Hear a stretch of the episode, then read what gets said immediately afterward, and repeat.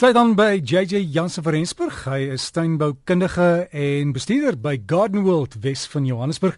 En JJ in die binneland en selfs kusstreke daar is plekke wat ongelooflik droog is. Ons het nie genoeg water nie, maar ons moet ons plante probeer aan die lewe hou. Hoe nou gemaak? Môre Derek, en dit is regtig net wat jy daar sê. Ons moet regtig net probeer om ons plante nou aan die lewe te hou. Ons gaan nie nou verwag dat hulle floreer nie. Ons gaan nou regtig net seker maak dat hulle hierdie droogte, warm tye wat ons nou beleef, net gaan deurmaak.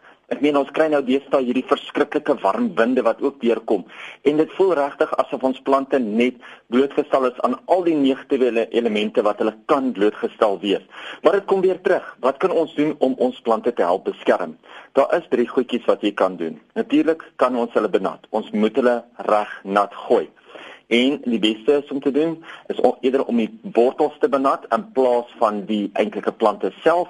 So moenie die plante se blare nat sproei nie. Maak die maar maak die wortels, maak die grond om die plante behoorlik nat. Probeer om dit nie te gereeld te doen nie. Nie net omdat ons 'n waterskaarste het nie, maar ook omdat ons plante nou moet leer om te oorleef.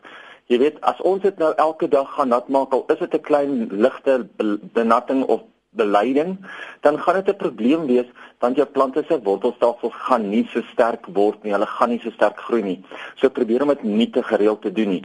Doen dit gewoonlik in die koeler tye van die dag of in die laatmiddag of in die vroeë oggend. Nou baie mense het my gevra, "JJ, hoekom kan ek nie in die aand te nat nie?" En ongelukkig kry mense baie fungusse wat in die aand jou plante aanval, veral nou met hierdie warm weer wat ons het. Maar Ja, as jy dit sê elke aand sou doen, gaan dit 'n probleem wees. Elke tweede, derde aand is dit nie so 'n groot probleem nie. So ja, jy kan jou tuin in die aand nat gooi, maar moet dit nie te gereeld doen nie. Probeer om dit eerder in die oggende te doen, vroeg vroeg in die oggend, want oor die algemeen sal die plant dan genoeg vog kan absorbeer om hom deur die dag en weer die volgende dag te vat. Baie mense sny ook nou hulle plante terug, reeds om van daai las ontslae te raak, reeds om van al daai ekstra blare ontslae te raak. Die probleem is as jy nou jou plante gaan terugsny en die son brand op gedeeltes wat nie gewoond is aan die son nie, dan gaan jy baie meer brandskade opdoen. So as jy plante het wat onder effense skaduwee of so staan en jy sny hulle daarso terug, glad nie 'n probleem nie, want dan gaan jou plante eintlik baie maklik weer kan terugspring na hierdie hitte. Sodra die reën kom, sodra die vog meer is, gaan jou plante weer baie vinniger kan terugkom. Terugkom. Maar pas op om dit nou terug te sny vir alles wat in die volson staan van ons baie gedeeltes wat baie maklik gaan brand. Soos ek sê die tyd van branding is baie belangrik.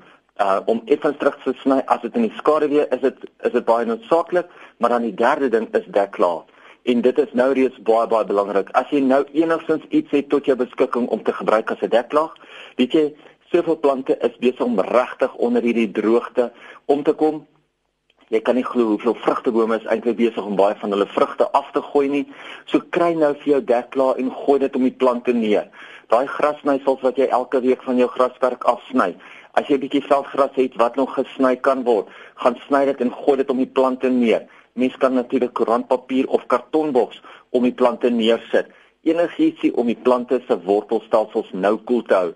So gepraat van veldgras, is tog wel interessant hoeveel veldbrande ons nou nog sien al is dit al amper uh, somer het die gras eintlik nog glad nie groen geword in die velde nie en ja is daar nog geweldig baie brande so ons moet maar dop hou daarvoor en ons moet probeer om dit stop te sit.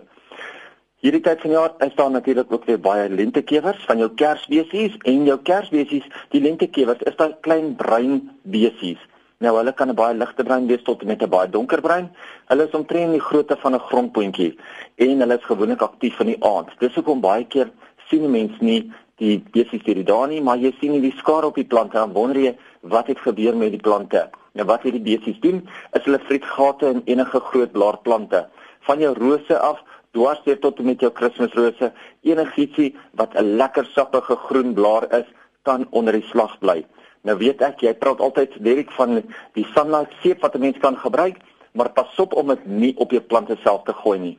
So as 'n mens daai koekie seep vat en jy rasper hom met water en jy gooi dit om die plante daar waar die besies baie aktief is, dan behoort daai seep eintlik die waslaagie op die besies af te breek en dan behoort dit ook baie vinnig die besies so van kant te maak.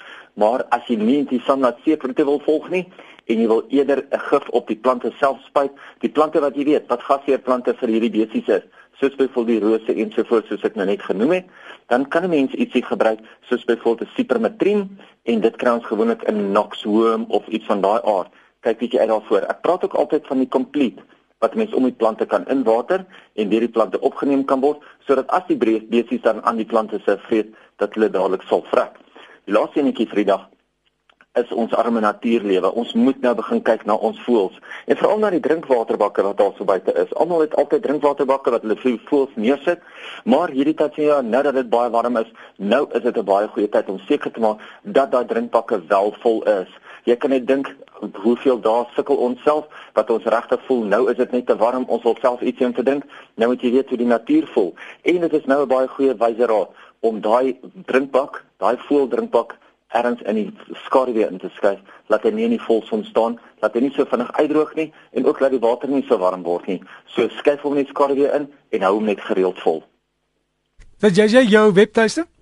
Mense sal kom vir my e-pos stuur. Ek was laasweek nie op kantoor nie, so as hulle my laasweek gestuur het, sal ek dit nie gekry het nie, maar hierdie week kan hulle baie baie gerus vir my stuur na jj@gardenworld.co.za en ons webtuiste is www.gardenworld.co.za.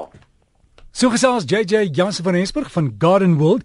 Geloer by hulle webtuiste gardenworld.co.za en as jy vir JJ wil e-pos is JJ by gardenworld.co.za. Lekker tuin maak.